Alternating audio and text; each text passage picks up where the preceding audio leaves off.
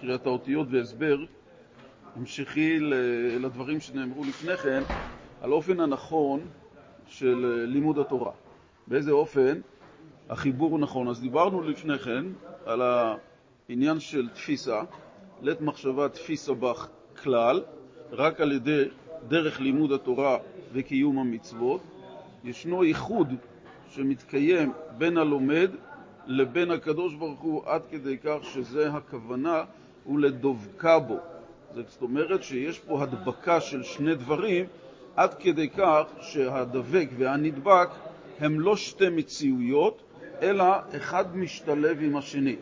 זאת אומרת, יש את התורה, יש את הלומד, האופן או המקום שהלומד לומד את התורה, האם מספיק רק בידיעה או שצריכה להיות גם השגה של הלימוד, האופן, לפי אופן הזה, זוהי גם תהיה מעלת ההתחברות, הדבקות שלו עם התורה כפי שנבהר בהמשך, כפי שיבואר בהמשך. זה היה בגדול מה שעד עכשיו אנחנו אה, אה, למדנו מבעל התניא, שמחלק את האופן הנכון של החיבור של היהודי שלומד עם הנלמד. כלומר, שהלומד, כאשר הוא לומד, אם הוא לומד מהמקום הנכון בנפש שלו, שזה מדובר על המחשבה, החלק המחשבתי, ללא הדיבור או המעשה עדיין, מתאחד לומד התורה עם מה שמלובש בתורה. כי היות שהקדוש ברוך הוא ואורייתא כולה חד, אז הלומד מתאחד עם הקדוש ברוך הוא שבתוך התורה. מה קורה בתגובה בצד השני? שגם הקדוש ברוך הוא מתאחד איתו באותו אופן.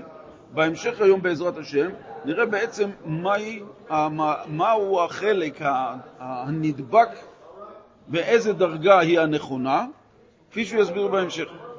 יכול להיות שאדם אומר שאני לומד ואני צריך ללמוד תורה, נכון, הנה חינמי, הוא לומד, אבל לפי מה שמסביר לנו בעל התניא, שיש לימוד יותר נעלה. האופן, כמובן, לא כרגע מדובר על החומר, או לא מדובר כרגע על סוג הסוגיה והלימוד, אלא אופן הגישה והנגישות הנכונה ללימוד. למה? כי בסופו של דבר אנחנו רוצים לעבוד את השם, ואנחנו רוצים לעבוד את השם באופן הנכון, לפי מה שהוא אמר לטובתנו, לגרימת המעלה שלנו, לדבקות הנכונה שלנו, ולכן הוא גם מנחה איך האופן הנכון שאליו צריכים לשאוף.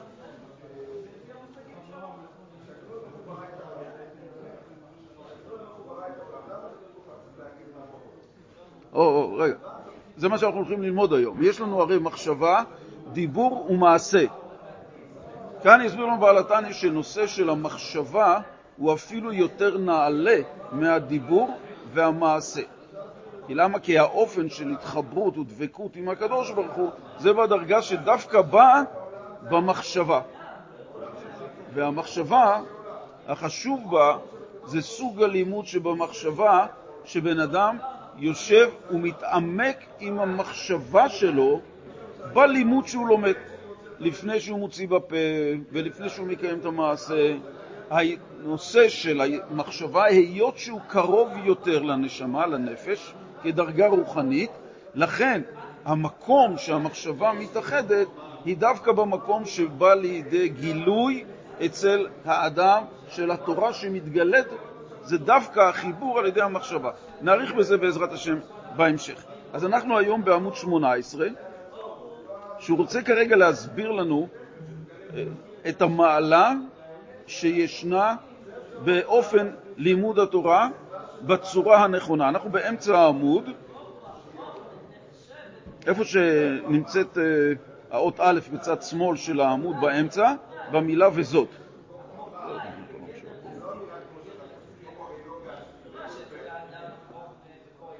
אז אחרי שהוא הסביר לנו את האופן הזה של החיבור שישנו עם יהודי לבין לימוד התורה, וזאת מעלה יתרה גדולה ונפלאה לאין קץ, אשר במצוות ידיעת התורה והשגתה על כל המצוות המעשיות ואפילו על מצוות התלויות בדיבור ואפילו על מצוות תלמוד תורה שבדיבור. כי על ידי כל המצוות שבדיבור ומעשה, הקדוש ברוך הוא מלביש את הנפש ומקיפה אור השם מראשה ועד רגלה. מה המעלה היתרה שאומר לנו? בואו נראה מה זה עניין בכלל של מעלה. המעלה במובן שלה זה נגזר מהמילה עליון, זה נגזר מהמילה יותר טוב, שיש לו יתרון. משמע מכך שבן אדם נמצא בדרגה מסוימת, אם הוא עולה בבחינת האיכות של הלימוד, אז הוא בניגוד לדרגה הקודמת, הוא נמצא כרגע במעלה. עכשיו, המעלה כאן, שהאדמו"ר הזקן בא ומסביר, שהמעלה של לימוד התורה באופן של מחשבה הוא נעלה יותר מאופן של לימוד התורה בדיבור ובמעשה, וגם אפילו בדיבור של דברי תורה. זאת אומרת, זה בעצם הרי עניין של לימוד התורה, יש לנו שני אופנים. יש לנו את הלימוד, ויש לנו את ההשגה. לימוד זה העניין של והגית בו יומם ולילה. זה יהיה לימוד. ההשגה של הדבר זה שהדבר נהפך להיות חלק ממנו. ואמרנו בשבוע שעבר שאנחנו יושבים פה כאנשים שומרי תורה ומצוות, זה נבע מכך שאופן הלימוד שלנו וההשקפה שלנו והאופן הזה של לימוד התורה חדר בתוכנו ונהיו לאחדים ממש, כי אנחנו היום פועלים מהנקודה הזאת, יוצאים מהנקודה של כל העשייה שלנו, כל האורך החיים שלנו, הוא נבע מכך שהלימוד שהיה לנו לפני כן הצליח לשקוע בנפש האדם ולהיות חלק ממנה ולהפעיל את הגוף בהתאם. עכשיו כל העניין הוא של המעלה כאן, שיש לנו עליות בהמשכיות גם. איך אנחנו הופכים מעלה גבוהה יותר, להפוך אותה שוב להיות חלק מאיתנו, שנהפוך להיות באופן כזה שהמעלה תוכל להתבטא כמו שאנחנו מבטאים דברים אחרים. למדתי אתמול חצי דף, והיום אני מוסיף עוד כמה שורות, אז הרי יש לי כאן התמודדות, אבל מה קורה? ברגע שאנחנו ממשיכים וממשיכים ומושכים את הדבר, הדבר נעשה חלק מאיתנו, זה נקרא שאנחנו התאחדנו עם התורה והתורה התאחדה איתנו באופן כזה שזה בלתי ניתן להפרדה. ולכן הדבר הזה הוטמע בתוכנו, והפעולה הבאה שאנחנו עושים נובעת מאותה מעלה שאימצנו לעצמנו. עכשיו, כאן האדמו"ר הזקן אומר שהמעלה שיש בלימוד התורה היא מעלה יתרה על דיבור ומעשה. תראה מה אנחנו בעצם, איפה כאן המעלה שישנה, שהוא בעצם בא ומייחס לה, דווקא במחשבה שיהודי יושב ולומד, בדיבור, אז אנחנו אומרים שזו מדרגה נחותה יותר. ובמעשה גם יותר נחות, אבל המחשבה היא, האופן הנכון, כשמישהו לפעמים שואל אותי את השאלה, אני צריך לחשוב כך וכך. המחשבה צריך לדעת איך לחשוב. הרי יכולה להיות מחשבה עוברת, כלשון, יכול להיות מחשבת דמיון בלבד, שזה לא נגע, אבל יכולה להיות התעמקות וידיעת התורה. ידיעת התורה היא לא מבחינת אני יודע הרבה אינפורמציה. אני יכול לשלוף דפים ועמודים ופסקי הלכה ומקורות וציטוטים, גם עכשיו יכול. אבל מה, אין פה לב. אין פה את החלק הפנימי של להבין שבעצם אופן הלימוד צריך להיות בסגנון כזה שיביא אותי למקום של חיבור. ישנם כאלה שאומרים, תשמע, אני לומד המון ולא עושה לי כלום. אופן הלימוד לא נכון. אז עכשיו לשמוע, מה זאת אומרת לא נכון? אני לומד תורה. כן, אתה לומד תורה, אתה לומד את הקדוש ברוך הוא, והדרך ללמוד את הקדוש ברוך הוא זה לא בדרך שדמיון, מחשבה עוברת, אלא התעמקות במחשבה לחשוב מהמקום הנכון. מה הפשט? לפני שהרב ישאל אותי מה הפשט מהמקום הנכון.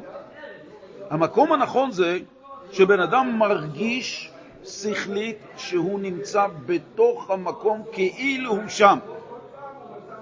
איפה אנחנו רואים את זה שבן אדם חושב יפה? בקריאת סיפור.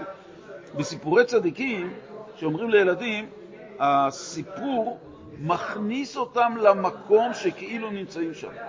ומתארים את זה קצת דרמטי.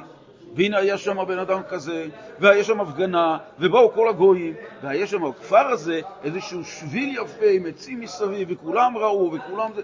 מה קורה באותו רגע? המחשבה כולה נמצאת במקום הזה, עד כדי כך שבן אדם רואה, מצייר, מרגיש שהוא נמצא ממש באותו כפר. זה ריכוז המחשבה, להביא את זה שהדבר הזה הופך להיות חלק ממני. חלק ממני. מהנקודה הזאת, משם צריך ללמוד את התורה, כדי, לא בצד שאני אדע את זה יותר טוב, כי רק שם האיחוד מצליח להיות הרבה יותר טוב מכל דרגה. זה האיחוד עם הקדוש ברוך הוא, האיחוד עם חוכמת התורה. חוכמת התורה זה חוכמת הבורא, אורייתא וקודשא וכו' כול אחד. אז ממילא האופן הזה של המחשבה והגית בו, ושמתי דבריי בפיך, זה לא על האופן של הידיעה מבחינת כמות החומר, כי זה בא בדיבור, אלא שאומרים את זה במחשבה, זה דרגה אחרת לגמרי שהיא נעלית יותר מצד מה שאמרנו מקודם, שבן אדם נמצא ממש במקום שם. בדיבור אדם יכול לתאר. זה נקרא, זה נקרא שהמחשבה מחיה אותו. המחשבה עצמה מחיה אותו, כי למה? כי המחשבה מונחת במקום של תורה. מונחת איפה? בקדוש ברוך הוא. הקדוש ברוך הוא נמצא שם ואנחנו נמצאים שם, אז המחשבה גורמת לאיחוד, לא הפוך. זאת אומרת, אמרנו מקודם שהאיחוד נעשה שהאדם חושב, אז התורה גם חושבת איתו, התורה גם נהפת חלק ממנו.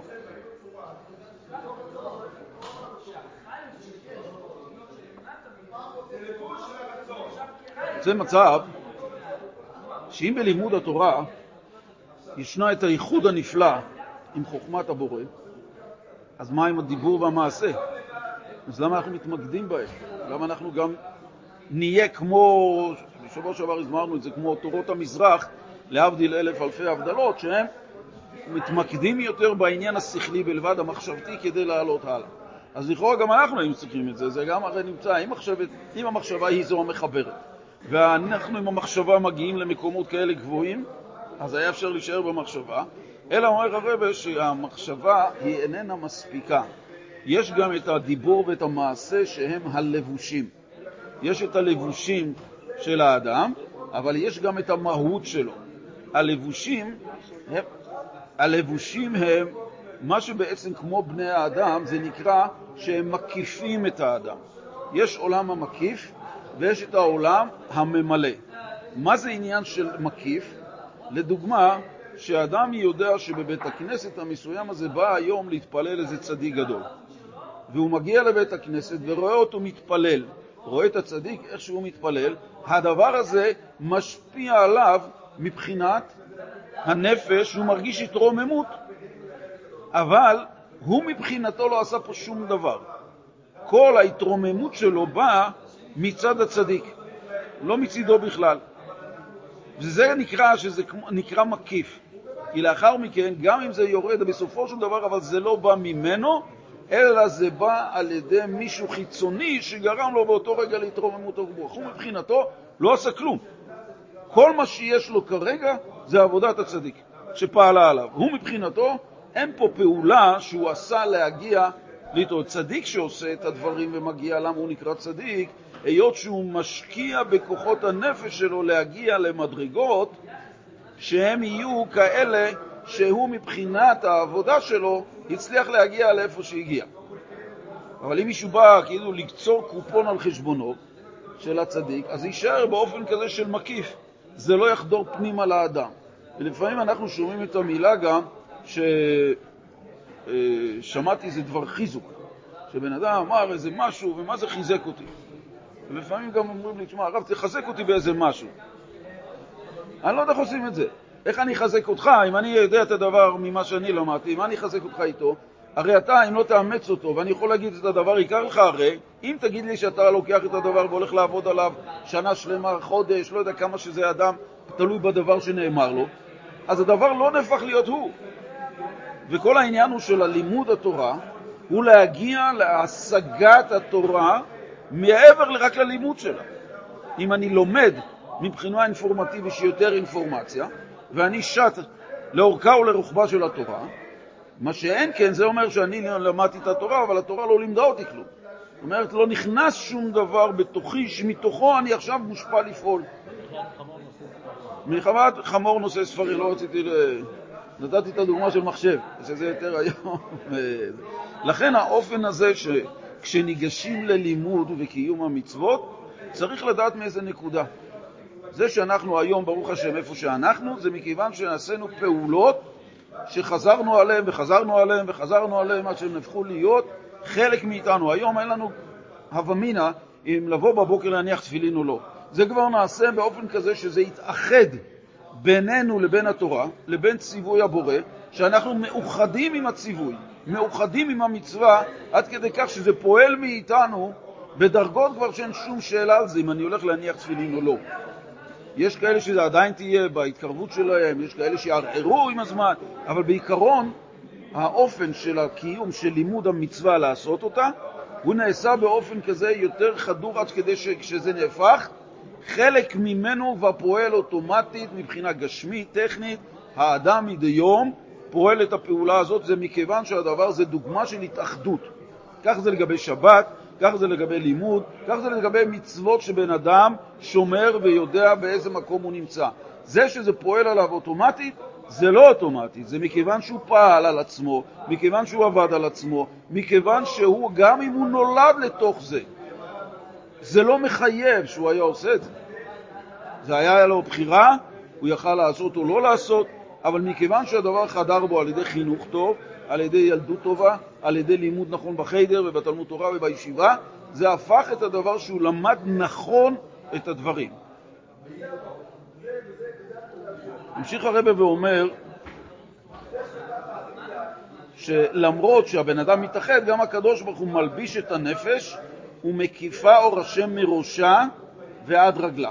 זאת אומרת, הלבוש, זה לא שהקדוש ברוך הוא בלבושים, בדיבור ובמעשה, יש גם את ה... שהקדוש ברוך הוא מקיף את האדם כמו לבוש, כמו שאנחנו הולכים, שהלבוש מכסה אותנו מהראש עד לרגליים, אבל זה בחלק של הדיבור והמעשה. בעולם המחשבה, אז המחשבה זה עניין של עלייה גבוהה יותר, שיש שם את האיחוד הנעלה יותר. אבל כפי שאמרנו, שהדיבור והמעשה לא יורדים חלילה ואין להם השפעה, אלא זה לבושים כמו שיש לנו. אנחנו הלבושים, הבגדים שלנו, מלבישים אותנו מכף רגל ועד ראש, ככה גם העניין של הדיבור ועניין של העולם המעשה, כפי שהוא יבהר בהמשך.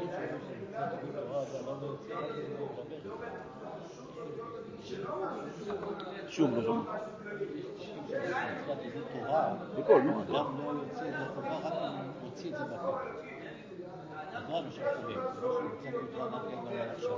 זה. לא, לא, אבל זה לא, זה לא, כן, אבל זה לא... שהוא הוא לא.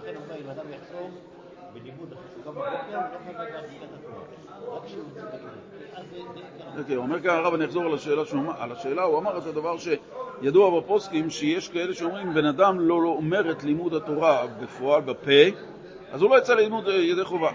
נחינמי זה כמו שבן אדם יגיד ברכה על נטילת ידיים בלי להגיד אותה רק במחשבה. הוא גם לא יצא ידי חובה. אלא מאי? יש פה עניין שאנחנו מדובר פה על מחשבה, דיבור ומעשה.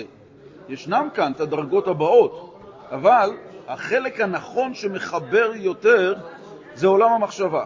עולם המחשבה, שאני ראיתי אה, לא מזמן, שאמירה מצד אה, בשם רב חיים מבריסק, שאומר אם חסר בהסברה, סימן שחסר בהבנה. זאת אומרת, אם האדם לא מצליח להסביר לעצמו או לאחרים את הנושא, סימן שגם אצלו זה חסר. אבל לפני שהוא מוריד את זה בדיבור, יש לו את הלימוד שבמחשבה שהוא מתעמק לדעת את הנושא.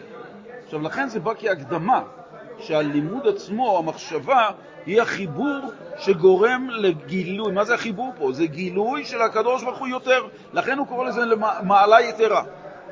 למעלה מהדיבור והמעשה יש את המעלה של הלימוד באופן כזה במחשבה. אבל מכיוון שהחיבור, שהגילוי של הקדוש ברוך הוא גם מתגלה אחד לשני, זה דו-צדדי, לכן כאשר הקדוש ברוך הוא מתגלה הדבר מואר במחשבה של האדם, ולכן כשהוא מאיר את עצמו במחשבה, הדיבור יוצא בהכרח בצורה ברורה, מסודרת, מובנת, מכיוון שאצלו זה ישב נכון. זה כמו על דרך שבן אדם יסביר למישהו נוף. ואם הוא יראה את הנוף והוא יתעמק בו בעיניים ובמחשבה, הנוף הזה, למרות שאין כרגע אף אחד שהוא אמור להסביר לו את זה, בכל אופן, יוצא שבן אדם במחשבה יתעמק בכל פרט ופרט, ולכן הוא יכול גם להסביר אותו אחר כך. אבל מאיפה זה התחיל? ההתחלה הייתה בדיבור. סוף מעשה מתחיל במחשבה. כי המחשבה כפי שכאן הבעל התניא מסביר למה זה חשוב, כי מכיוון שזה העולם הנעלה אצל האדם, הרוחני אצל האדם, ושם בנקודה הזאתי החיבור שלו עם, עם הקדוש ברוך הוא דרך הלימוד הזה של המחשבה עם התורה, זה גורם לייחוד הכי אה, נפלא והכי עמוק. אני לא שומע. נו.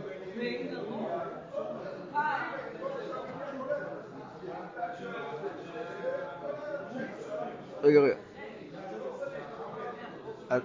מה השאלה? לא הבנתי עוד פעם. אני לא שמעתי אותה. יש רצון? לאדם, כן. כן. זה לא ההפך. אדם רוצה להיות שבע, אז אם הוא צריך להיות שבע, הוא צריך לאכול עכשיו שלוש טון או שלושים קילו, הוא צריך להספיק להיות שבע. רגע, רגע, רגע, רגע, רגע, רגע. אני, אני אומר לך, אני אשתף אותך, שבוע שעבר היה למישהו, מישהו ככה שבא להתייעץ, ואמר לי שזה הבעיה אצלו. מה זה הבעיה אצלו? הוא לא זיהה אותה אפילו. הוא אומר, נשברתי. למה? כי אני רוצה גם את זה, וגם את זה, וגם את זה, וגם את זה, ולהספיק את כל הדברים, ולהיות הכי טוב, ולהיות טוב, ולהיות, לעמוד בציפיות שלי וזה. אמרתי לו, למה אתה צריך את זה? בש, בשיטה, באופן שאני מסביר את הדברים, תמיד, אני יכול להסביר לו את זה בוא נלך, נלך, נלך, נלך, נלך עד כלפי מטה. אבל אם אתה לוקח בניין ומוריד לו את היסודות, כל הבניין הרי מתפרק. וכשאני אומר לו למה אתה צריך את זה, אין לו כזאת אפילו מחשבה למה צריך את זה. מה? ההלם פה הוא מצד זה שכביכול, מה זאת אומרת? תורה צריך, אבל למה אתה צריך את הכמות ואת הזה, ולמה? אתה עושה את כל זה מצד היצר הרע. איך, מה, לימוד תורה, קדושה, מצוות, יצר הרע? כן, למה תראה איפה הגעת? זה שבירה. השבירה זה היצר הרע שרצה שתגיע לשם. אז הוא אמר לך, תהיה כזה ותהיה כזה ותהיה כזה. עכשיו, לגבי ההספק שאתה אומר, יש עניין של איכות ויש עניין של כמות. האיכות, הכמות, האיכות כוללת את הכמות. זאת אומרת, כשאדם מתחיל ללמוד באופן הנכון, אז הוא לא מדבר כאן על הספק, אלא הוא מדבר פה על האופן הנכון של חוכמת השם. האם אני רוצה, הרי אה, לא עליך המלאכה לגמור, אבל אם אני אקיים מתוך זה שהגישה שלי תהיה לקיום מצווה אחרת מהאופן שהיה לי לפני שלמדתי את הנושא, לקדוש ברוך הוא יש כמובן את העונג הכי גדול מזה שיהודי מצליח להתחבר איתו. עכשיו אני אקח את זה לדוגמה הכי טובה שבדרך הטבע, שכולנו, מה עדיף לי, שהבן שלי ילמד דבר אחד ממני ויקיים אותו עד הסוף, וזה ישנה אותו כמעשה טוב, או שאני אגיד לו, שמע, יש מאה דברים שאתה צריך ללמוד, אבל אף אחד מהם בקושי יגיע לידי ביצוע.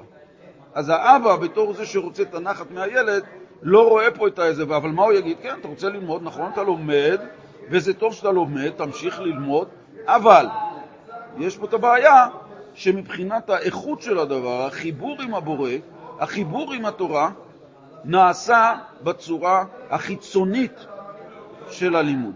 עכשיו, אני לא יודע, אין לי איזשהו מחקר או משהו, שמהיכן נכנס העניין של כמות הלימוד שלאיפה מביאה אותי.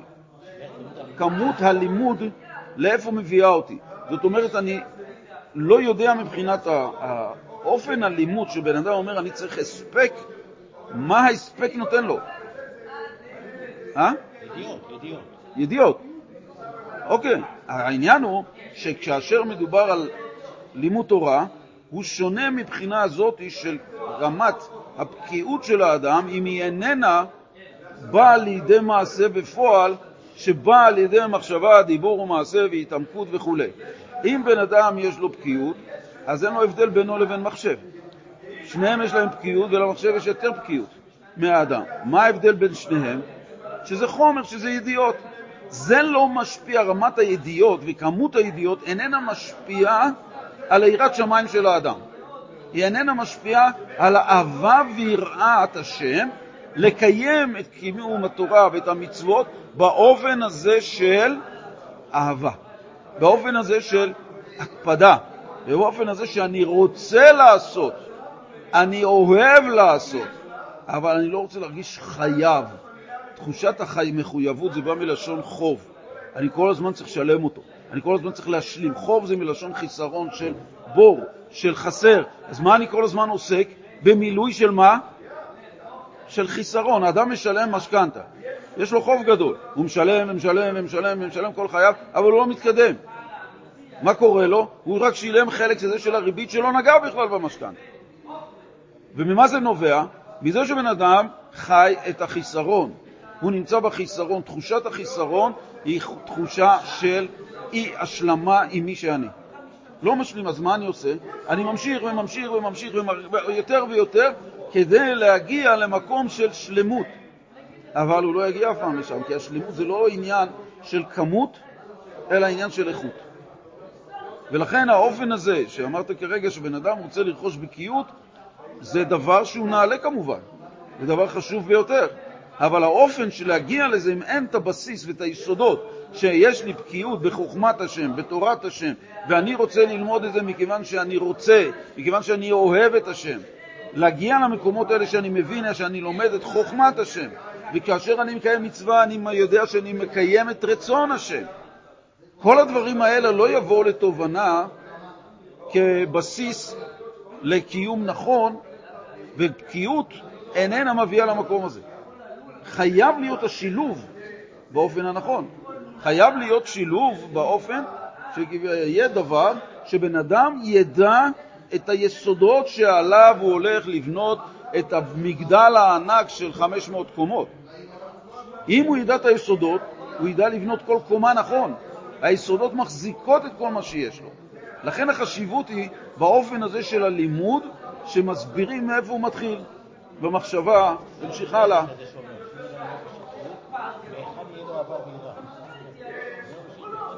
חינמי, מאיפה יהיה, מה זאת אומרת? מה אמר כאן? מאיפה יהיה אהבה ויראה למי שלומד בשטחיות? למה? מה הבעיה? הוא ילמד בשטחיות ויהיה לו אהבה ויראה, למה? מה אני צריך איזה? הוא לא יכול להגיע מהשטחיות. בתורת ישראל השטחיות לא מאפשרת לאדם להגיע למדרגות הנעלות. השטחיות זה עניין של לימוד גרדה מבחינת ידיעה. גוי שלומד תורה זה שטחי. זה לא פועל עליו, לא משנה אותו, לא גורם לו שום דבר. זה נקרא אופן שטחי. אדם שילמד באוניברסיטה, ובשביל ללמוד משפטים צריכים ללמוד גם אה, את המשפט העברי, שזה מהגמרא, במיוחד מסנהדרין, אז הבן אדם מתל אביב שלומד משפטים באופן הזה, אז הוא לומד את זה שטחי שהוא ממשיך חייו, בלי שום דבר. אין לו שום עניין לעשות משהו אחר מזה, הוא לומד את זה כמו כל חומר אחר, שבהספק, בכמות, כל מה שהוא צריך על המבחנים, אבל הוא לא מגיע לשום מקום מזה שמשנה אותו. רצית לשאול משהו, ישראלי. אה? למה עושים סיום על מסכת? מה זאת אומרת? לא הבנת את השאלה. כי, כי כל דבר שמסיימים אותו, מסיימים בטוב, מסיימים את המסכת, מתחילים מסכת אחרת, זה סיום כמו שעושים, סיום לימוד, למה שמחת תורה, סיימנו את זה. על מה? למה לא עושים סיום על מה?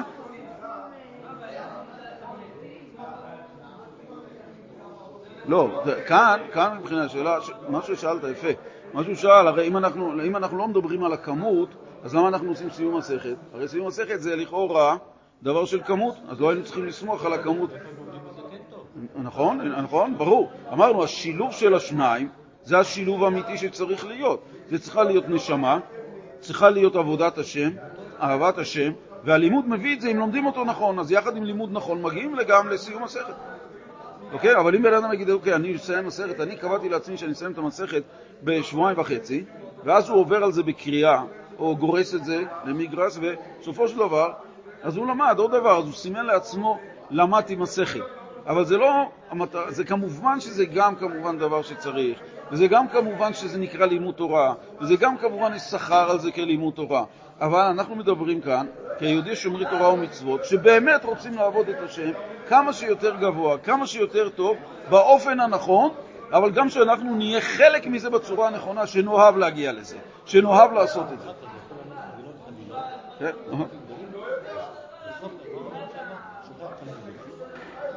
גם כל האומר, הגמרא אומרת, כל האומר, כל האומר שאין לי אלא תורה, גם תורה אין לו.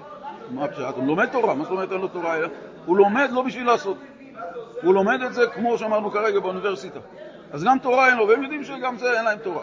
אבל בסופו של דבר גם תורה שלא לשמה בדרגות הנמוכות וכו' וכו', וכמובן שיהודי לומד גם באופן הזה, זה נקרא לימוד תורה. גוי שילמד, אז גוי זה לגמרי לא, זה לגמרי לא חשוב, לא חשוב אפילו כלימוד, אבל באופן עקרוני, האופן הנכון שמבחינת כמות ואיכות, היסוד של הבניין, של הכמות, חייב להיות על בסיס של איכות. זאת אומרת, לא עניין רק שאני אלמד פעם אחת ואני אחשוב נכון על הסיר, ואחר כך כל התורה תזרום לי בצורה נכונה, אלא זו עבודה יומיומית, גם בתפילה, זה הכנה לתפילה, זה מעשה של כל היום, בכל דרכיך דייהו. זה עניין של התמדה בביצוע באופן הנכון, שלאחר מכן יש לו את המשכיות של היום, יש לו המשכיות של הלימוד, באופן הזה שהוא כבר יצק לתוך עצמו יסודות שעליו הוא יכול עכשיו להרכיב בניין מסוים, אבל תמיד יש את העבודה של אהבה ויראה שתגיע לשם. והיכולות שזה יקרה זה רק אם הוא בעצם מתמיד באופן הלימוד הנכון. למה אנחנו צריכים את זה? כי יש כל הזמן הפרעות מהעולם שיכולים לשנות לנו על מה לחשוב. היום אנחנו חושבים על מה שהיינו בשיעור, למדנו את זה, מחר בבוקר אנחנו לפני התפילה חושבים קצת, ניגשים לתפילה, הכל טוב ויפה, המחשבה עובדת, יפה התרגול, אבל מה, יוצאים אחר כך לעולם, אנחנו שוב משתמשים באותה מחשבה, באותו מקום חשיבה, להמון דברים אחרים גשמיים, חומריים, שזה מטשטש את היכולת של החשיבה הקודמת שהייתה לנו. המקום שאנחנו תופסים במשך היום במחשבה הוא כמעט, אם נאמר, 20 שעות. המחשבה תופסת, 4 שעות נאמר שזה מוקדש, כולל בשעת השינה. אז 4 שעות לעומת 20 שעות זה המון, אבל הארבע שעות, אם הן יהיו איכותיות, איכותיות, הם יתגברו ולא ייתנו ל-20 שעות הבאות להשפיע על לומד התורה, על היהודי, על האופן שהוא מקפיד מדי יום ביומו, על אופן הלימוד הנכון, לא לתת למחשבה בהמשך היום לסטות למקומות אחרים. אז אם כן, נמשיך הלאה. אז אם כן, שהוא לומד את ה... מקיים את מצוות ומעשה, הקדוש ברוך הוא מצד שני מלביש ומתלבש בגוף, בנפש האדם מראשה ועד רגלה. ובידיעת התורה, כשיהודי לומד תורה, אז מלבד שהשכל מלובש בחוכמת השם, הנה גם חוכמת השם בקרבו, מה שהשכל משיג ותופס ומקיף בשכלו, מה שאפשר לו לתפוס ולהשיג מידיעת התורה, איש כפי שכלו וכוח ידיעתו והשגתו בפרדס. את זה כבר חזרנו כמה פעמים, שהאופן של מה שבן אדם לומד מבחינתו ומה שהקדוש ברוך הוא דורש, וזו התאחדות שישנה, אבל כאן מדובר שמה? שחוכמת התורה היא זו שבעצם מתלבשת בתוכו. עכשיו ממשיך האדמו"ר הזקן להגיד, רגע, רגע, בסדר, עכשיו תסביר לנו מה המהות של האיחוד הזה. זה שאנחנו אומרים את זה, שעכשיו אני לומד תורה, אני מתאחד עם חוכמת התורה, אני מתאחד עם הקדוש ברוך הוא. מה הכוונה? אה? השפעה. כן, כן, אבל, נכון, אבל, נכון, באיזה אופן נעשה חיבור? אני, המחשבה שלי פה, אני לומד את התורה, ואז מה קורה? זאת אומרת, איך התורה הופכת להיות חלק ממני, באיזה אופן? אה? בלב, אני רוצה את זה בכל הגוף. למה רק בלב? יש לי יד לתת צדקה, אם אני אעשה רק בלב, למה שאני אעשה גם בחלק השני? אז זה למה, החיבור באמת דומה למה, אנחנו נראה את זה בפנים.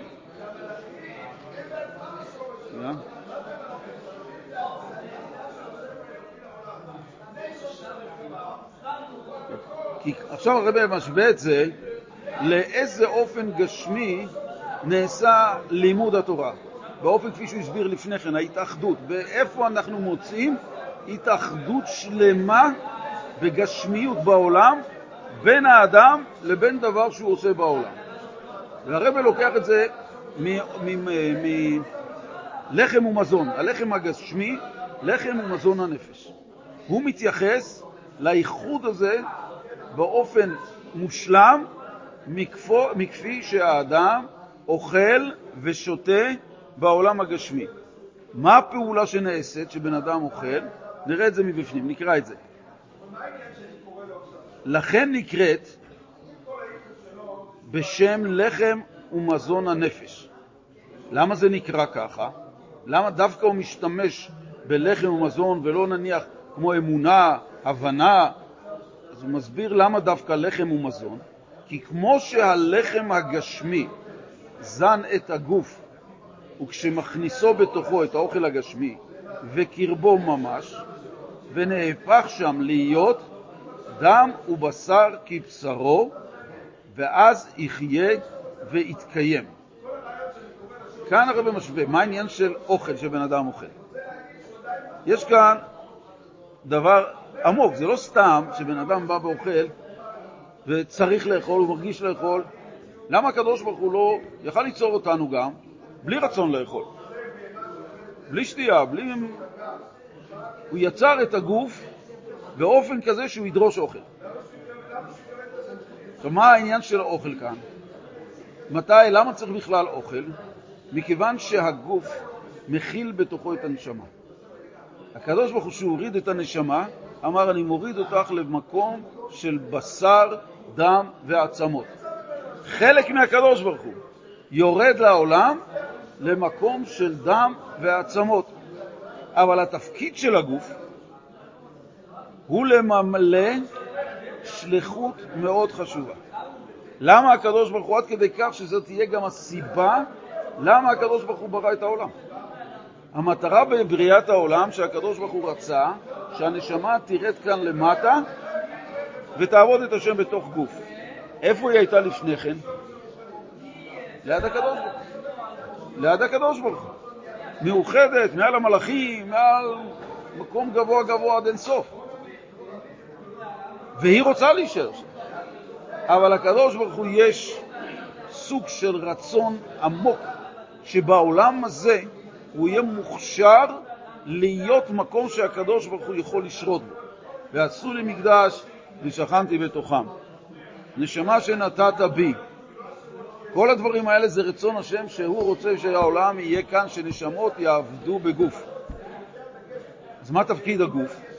התפקיד של הגוף לגרום שהנשמה תמיד תישאר בתוך הגוף ולא תפרח ממנו. שלא תחזור חזרה למקום שהיא רוצה לחזור. להיות במקום בלי יצר הרע, בלי תאוות, בלי גוף גשמי, בלי מאבקים. התפקיד של הגוף זה להשאיר אותו, את הנשמה, בתוך הגוף ולעבור בתוך הגוף. ראינו מקרה דומה לזה. רגע, רק שנייה. מתחילה רק אני אסיים את הנושא. אני רק אסיים את הרעיון. לאהרון היו שני בנים שנשארו פעם אחת במשכן ובא אה, יהושע למשה ואמר לו, תראה, אה, נדב ואביהו מתנבאים כרגע במשכן, באוהל מועד, והם מתו בהקריבם אש זרה. ככה כתוב עליהם. איך אפשר לומר שני בני אהרון שברגע שדווקא התנבאו, הם מתו? אלא שם מוסבר בחסידות שהנשמה שלהם הגיעה למקום שהם היו באוהל והקריבו אש, היא הייתה התעלות שנקראת כלות הנפש. דרגה שהנשמה הגיעה אצלה מבחינה כזאת גבוהה שהגוף לא הצליח להחזיק אותם בתוך הגוף, והנשמות פרחו ויצאו מגופם מצד רצון להתאחד עם הבורא. דבר כזה קורה, כלות הנפש, זה לאנשים שבדרגות רוחניות שמרגישות את החיבור עם הבורא, וממילא הגוף כבר לא יכול להחזיק אותם. אז למה הם נענשו? והקריבם אש זרה. אש זרה זה הכוונה היא שהמדרגה של אותו הקרבה הייתה זרה לדרגה שלהם. זה היה אש זרה למדרגה שלהם, לכן הגוף גם לא החזיק את זה. אבל למה הם בכל אופן מתו? מכיוון שהקדוש ברוך הוא לא רוצה שאנחנו נגיע לכלות הנפש, הכוונה היא להגיע למדרגות האלה, אבל שתמיד הנשמה תישאר בגוף, והגוף אמור להחזיק אותם, להחזיק אותנו שהנשמה כל רגע כמו שלהבת. כשאנחנו בני השם, נשמת אדם, שכמו שהשלהבת מרצדת, שרוצה לעלות למעלה, כל הזמן שואפת למעלה, גם אם תהפוך את הנר השלבת תעשה ככה כלפי מעלה, אותו דבר הנשמה שלנו בכל רגע רוצה להתאחד עם הבורא, כמו שהיה לפני שהיא ירדה לגוף. אבל מה שמחזיק אותה, הקדוש ברוך הוא יצר לה את המחסום שנקרא גוף. עכשיו, שלגוף תהיה את האפשרות להמשיך להחזיק את הנשמה, הוא צריך לחיות. מה הפשט צריך לחיות? הוא צריך להיות מספיק חזק של להחזיק את הנשמה, ולכן אנחנו מאכילים אותו. כשהוא מרגיש טוב, יש לו את הכוח לא לגרום לנשמה לברוח מהגוף בניגוד לרצון השם. אבל אם אין לבן אדם אוכל, חס ושלום, כמו שראינו בשואה, אז מה קרה לאנשים? הגוף הלך ונחלש, הוא הגיע למקום שאין לו כבר את היכולת ואת הכוח להחזיק את הנשמה בתוכו. ואז מה קרה? הנשמה זיהתה את המקום שהוא כבר לא יכול להחזיק אותה, והיא פרחה מגופו. אה? איסורי? לא מה? הנה, אנחנו חוזרים לזה שמה? על מה שהסברנו כאן, שהוא נתן את המשל שהנשמה, האופן הנכון של לימוד התורה, איך הוא מתאחד, זה כמו מזון שאנחנו אוכלים, לחם, מזון, שתייה. למה אנחנו צריכים, למה הוא מדמה את זה לזה? מכיוון שכמו שהמזון מתעכל בגוף האדם, והוא כותב שנעשה בשר, נעשה דם ובשר. אבל איפה? מה המילה הבאה? מה המילה הבאה? מה המילה הבאה פה? כבשרו. זה לא סתם נהפך דם ובשר, זה נהפך להיות חלק מהבשר שלו. זה כבר נהיה במצב כזה שאתה לא יכול להצביע איפה הבשר הזה שנכנס, גם אם יפתחו את הגוף, יראו שאין מקום ששם בשר נכנס, מים במחלקה אחרת, משהו כזה, זה נהפך להיות גם, שהוא אומר דם, גם אם יסתכלו בתוך הדם, לא ימצאו דבר אחר מלבד דם. למה? איפה האוכל הזה הלך? נעשה כבשרו, דם ובשר שנהפך להיות חלק בלתי נפרד או אפשרי להפריד בין המזון שהוא אכל לנפש, כי הדם הוא הנפש, ומאידך הדבר הזה מתאחד בצורה כזאת שמאפשר לאדם להמשיך ולהתחזק ולהיות מחוזק, להמשיך להחזיק את הנשמה וגם להמשיך ללמוד את התורה. מה הדמיון כאן? שהאופן של הלימוד שהוא מסביר לנו כשיהודי לומד ואומרים לו שאתה מתאחד עם חוכמת השם, אז זה לא דבר שנוסף עליו, אלא דבר שהוא מתאחד איתו באופן כמו, ש... כמו שמזון גשמי מתאחד עם הגוף, שלא רואים את המקום שניתן להפריד בין השניים, אז האיחוד נעשה בצורה כזאת בלימוד התורה עם הקדוש ברוך הוא, בצורה כזאת כמו, ש... כמו שמזון גשמי נהפך להיות חלק אחד עם גוף האדם. קצת להרים את הכל. או, או, יפה, יפה, הקדמת קצת. זאת אומרת, יש לימוד התורה באופן מסוים, וזה שאומר שזה, ש, אה, שמשהו מכניס בתוכו וקרבו ממש, שנהפך שם להיות דם ובשר כבשרו, ואז יחיה ויתקיים. זה לגבי אדם עם מזון גשמי. כך בידיעת התורה והשגתה בנפש האדם, שלומדה היטב בעיון שכלו, עד שנתפסת בשכלו ומתאחדת עמו והיו לה אחדים, נעשה מזון לנפש וחיים בקרבה, מחיי החיים אין סוף ברוך הוא, המלובש בחוכמתו ותורתו שבקרבה. זאת אומרת, יוצא שהוא משווה כאן את האופן של האכילה הגשמית, מה שקורה, שמזין את הגוף, להמשיך להחזיק אותו חי, להחזיק אותו בריא, אותו אופן זה לגבי הנפש. אם אנחנו רוצים נפש בריאה, אנחנו חייבים להתחבר, ללמוד את התורה באופן של השגה, באופן של ידיעה, במחשבה. כן, כן, ביום שכלו עדיין. נכון, בעיון. כי למה? ולמה זה רק בעיון שכלו? כי שם אמרנו שהמחשבה נמצאת עדיין בשכל, ושם זה המקום שהוא לומד בעיון עם השכל. הכוונה היא שהוא רואה את הדבר, את הלימוד, הוא מתאר אותו, הוא, הוא חושב עליו, כמו שאומרים, ראו, אה, אם רוצים להגיע לעניין של יראת שמיים, רוצים להגיע, ראו מי ברא אלה. שמסתכלים על העולם ורואים את העולם, רואים את המציאות, ואנחנו מסתכלים על המציאות ואומרים, רגע, מה, מה עומד מאחורי זה? מי עומד מאחורי זה? איך זה נוצר? למה זה ככה? אבל לא נשארים שאלה וממשיכים. עצם השאלה דורשת חשיבה עמוקה, למה בכלל יש שאלה? למה זה לא מובן מאליו? אופן הדבר הזה, שזה לא מובן מאליו, כל המובן מאליו בכלל לא מובן מאליו, זה גורם לאדם להתעמק עם השכל לתוך הדבר. להתעמק עם הדבר באופן כזה של להגיע לאמת של המהות שלו. והדבר הזה שהאמת שעל ידי החשיבה וההתעמקות שנעשית על ידי איזה חלק? על ידי המחשבה בתורת השם, זה בדיוק איחוד כמו שלחם שאנחנו אוכלים מתאחד עם הגוף שלנו.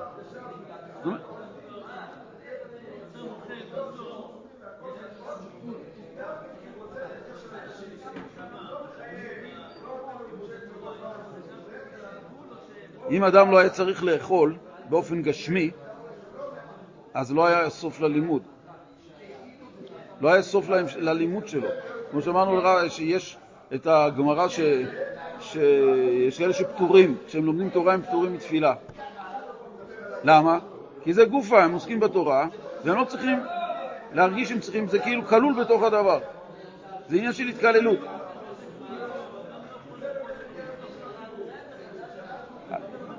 ברוחניות, מה שעוצר אותנו מלהמשיך כל היום והלילה זה הנפש הבהמית והמחשבות הרגילות והרצונות והמה אני עושה מחר וכו' וכו', שהמחשבה הולכת לשם, היא מגבילה את הגילוי של הרצון להיות במקום אחד. נכון, כי צדיקים באמת, הם היו אוכלים אה, אה, המינימום שבמינימום וממשיכים ללמוד. למה? כי לא היה משהו כמו שאצלנו, הנפש הבהמית והרצונות שלה הם כאלה שממעיטים ביכולת וברצון שלנו לשבת ולהמשיך ללמוד כל הזמן. מבחינת התורה, מבחינת גוף האדם, הוא היה בלי בעיה ממשיך כמה שיותר, אין לו בעיה. כי למה? כי קודם כל הנפש, כמו שאמרנו, ניזונת מהתורה, כמו שהלחם מזין את הגוף, ככה גם התורה מזינה את הנפש. רק מה? שלנו יש את האפשרויות, שכך, לנו יש את המצבים ואת המחסומים שיש לנו ביומיום, שהנפש הבהמית גורמת לנו לרצות דברים אחרים ונוספים. והרצון בא שחייבת להיות לו הקדמה של מחשבה. אי אפשר להגיד, שמע, מה אתה רוצה? לא יודע, אני רוצה. מה? אני רוצה. אז חייב להיות לו לפני כן משהו שהוא ירצה, וזה בא לפני כן במחשבה. לכן אנו, בן אדם שרוצה ככה, אז הוא לוקח את המחשבה למקומות אחרים. מה?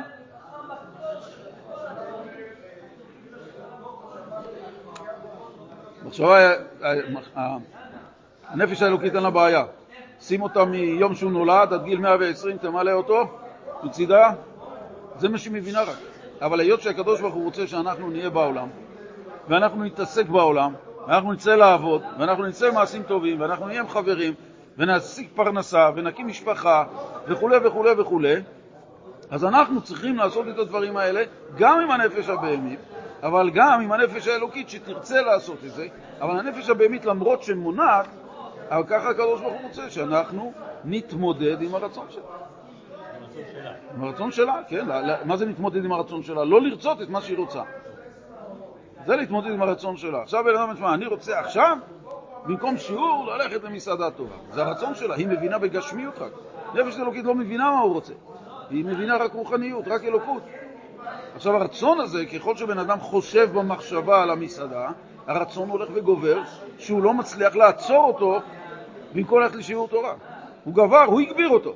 אבל ככה הקדוש ברוך הוא יצר אותו, שהוא יוכל, כשזה מתחיל לגדול, שהוא ידע לקטוע את זה בזמן, שהוא יבחר נכון בחירה חופשית, ושהוא יראה שהוא מתגבר, זה מראה שהוא רוצה לעשות את רצון השם יותר מאשר ללכת לשם, למסעדה או למקום אחר. אז לכן הדבר הזה בא לידי ביטוי שהמחשבה היא המייצרת, ולכן תלוי במה חושבים. אם בן אדם חושב על מסעדה ועל הבשר ועל הביצוע ועל הנפש האלוקית, מה קרה? המחשבה גם התאחדה עם הדברים הגשמים שהוא מודה, אבל לא בייחוד כמו שזה לימוד תורה. אבל הוא יתאחד כרגע עם הדבר, עד כדי כך שהוא מרגיש את הטעם עוד לפני שהוא בכלל נסע לשם. יש לו תיאור כזה מדויק, כולל הטעם, ממה שהוא יכול לייצר מצד הנפש הבהמית. ואז כשזה מגיע לזה, ההרגשה כל כך טובה בטעם הזה ובמראות שהוא רואה, בפרט שהוא רעב, עד כדי כך שהוא, ההרגשה הזאת שהוא יצר, הוא לא רוצה ולא יכול גם לבטל אותה. הוא לא יכול לבטל, כי זה חזק, אלא אם כן ממש מאמץ שהוא בעצם עושה דבר שמאוד קשה לו והוא צריך לשבת. למה? כי לפני כן הוא גידל את זה למקום כזה גבוה, שכרגע עכשיו יש לו בעיה להתגבר על זה. אבל אם לא היה לו את זה, לגדל את זה למקום גבוה, אז לא במחשבה, לא הרצון ולא תחושת התענוג כבר שישנה בדבר, לא היו מתפתחות אצלו.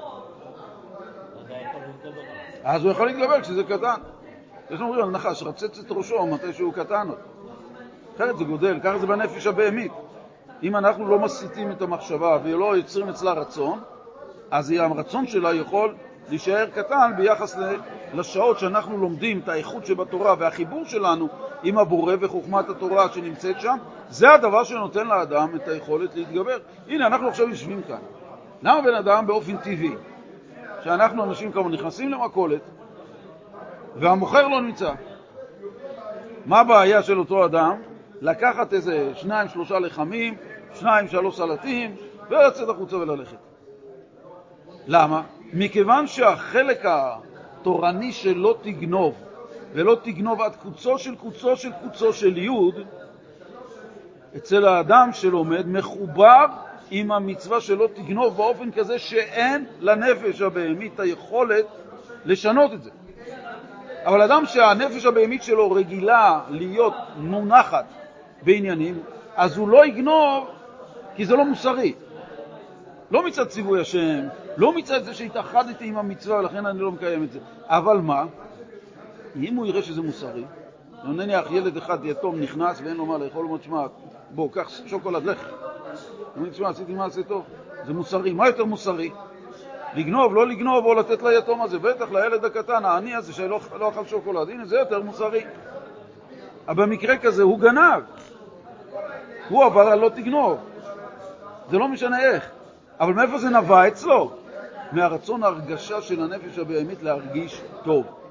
והוא לא יכול לבטל את זה, את ההרגשה הזאת, מכיוון שהאיסור שהוא למד לא תגנוב, על ידי המחשבה והלימוד הטוב שהוא עשה בחיבור שלו, שהנפש האלוקית אצלו בגילוי, אז הוא לא יכול להתגבר על הלא תגנוב. לא הוא לא יכול להתגבר על הלא תגנוב. אצלו זה בא ממקום אחר. לכן כשאנחנו כאן למדנו, לומדים תורה, אנשים שומרי מצוות, אף אחד מאיתנו לא אב אמינא אפילו להיכנס למכולת או משהו כזה ולצאת ממנה בלי לשלם. למה? כי הלא תגנוב נמצא אצלו בכזה עומק חיבור, שאין מקום לנפש הבהמית אפילו להעלות דעה כזאת, או מחשבה כזאת. ואם עולה לו מחשבה כזאת, המוכר לא נמצא. אה? אין לו? אז מאיפה זה בא? מהוואטסאפ? מאיפה זה בא לו? והיצר הרע מאיפה נמצא? לא אצלנו. נו, אז מאיפה זה בא? יצר הרע זה חלק מהנפש הבהמית שמצייר את הרצון שלה. לכן הוא נקרא יצר מלשון ציור. הרצון שלך היום, ושלנו פה, הוא ללכת למכולת ולשלם. זה הרצון. למה זה נבע? מכיוון שאנחנו למדנו לא תגנוב, למדנו את זה באופן מהותי, שהחיבור שלנו עם המצווה הזאת ועם האיסור הזאת נעשה דבר כדם כבשרו, לא ניתן להפרדה. לא ניתן להפרדה. זה דוגמה של מצווה שנעשית דם ודם כבשרו, דם ובשר כבשרו. למה? כי אין לנו אפילו, לנפש הבהמית לא יכולה לעלות אצלנו מחשבה כזאת. ואם תעלה מחשבה כזאת, האדם צריך לבחון את עצמו למה יש לי בכלל מחשבה כזאת, סימן ש...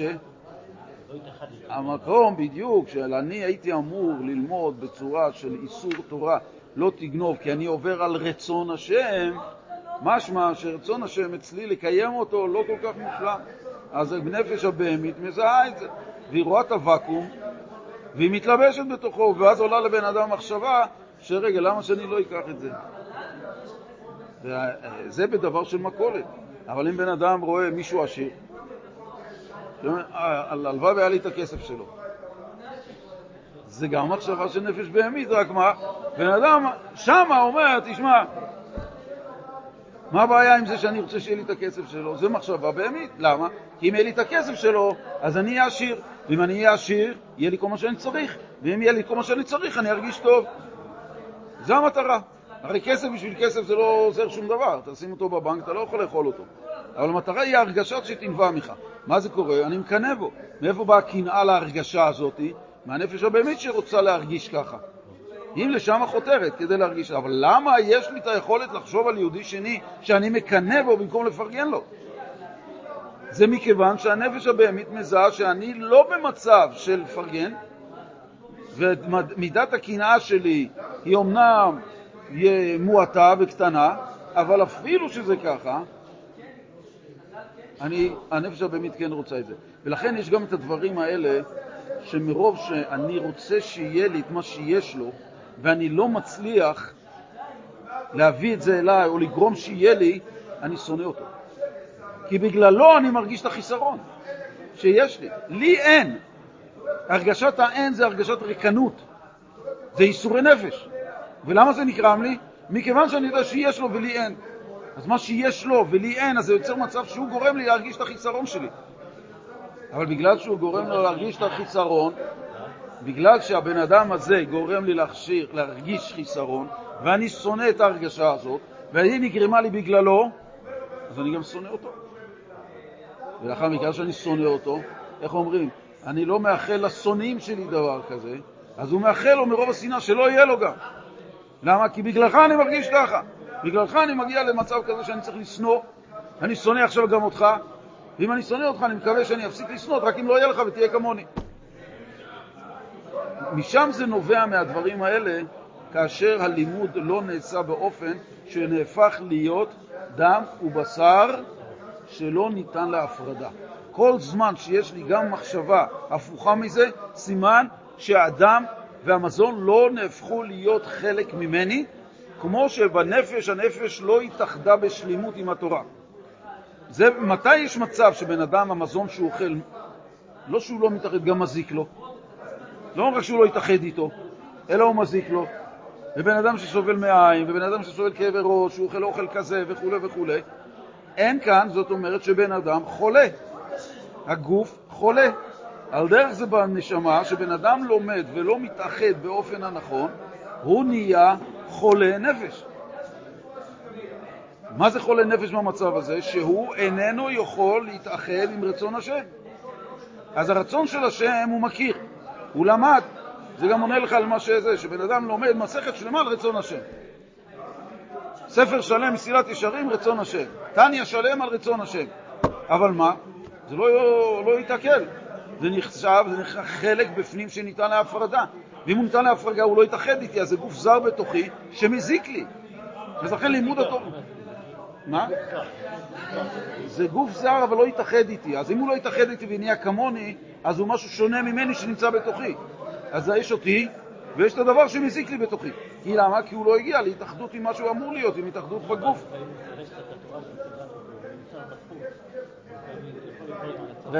התורה נקראת מי שזכה נכון, איך יכול... נכון, נכון, נכון, נכון, נכון, נכון. אז לכן היות גם של לימוד התורה, אומרים עליו, או זכה, שם חיים, לא זכה, שם הפך החיים. אותו תורה, אותו תורה, וזה תלוי, וזה תלוי איך הלימוד שלו במטרה שלו, למה הוא לומד. ונניח שהוא לומד משהו כדי להגיע למקום גבוה מבחינת כבוד, מבחינת מעמד, מבחינה שיקראו לו, זה, זה לימוד שלא מתעכל. עכשיו מה, הוא לא משיג את המעמד עדיין. הוא לא משיג את המעמד שהוא רוצה. אז הוא אומר, תשמע, אני לומד אותך כדי להגיע למעמד הזה, ואני לא מגיע לשום מקום. כמה אני בגללך אני מתייגע, מתייגע, מתייגע ולא מגיע לשום מקום. זאת אומרת שאני לוקח תרופה שלא עוזרת לי בכלל. ואמרו לי, זה יעזור לך ויעזור לך, ואני מתייאש ולא רוצה להמשיך, ואני שונא כרגע את מה שאני לוקח כי זה לא עוזר לי.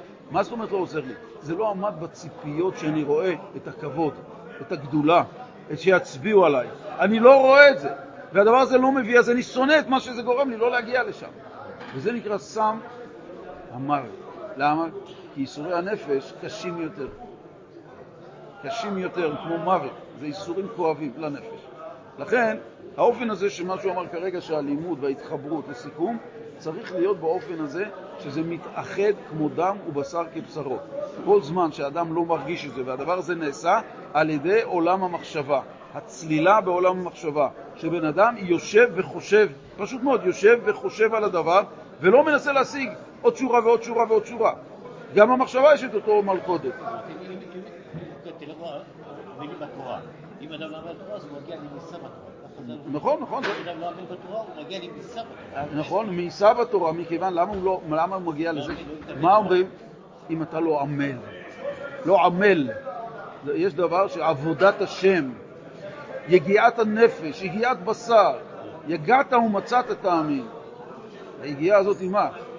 זה היגיעה שמתחילה במחשבה להתייגע, להגיע לעומקם של דברים שלא מושגים על ידי על אה, לימוד שבדיבור או במעשה.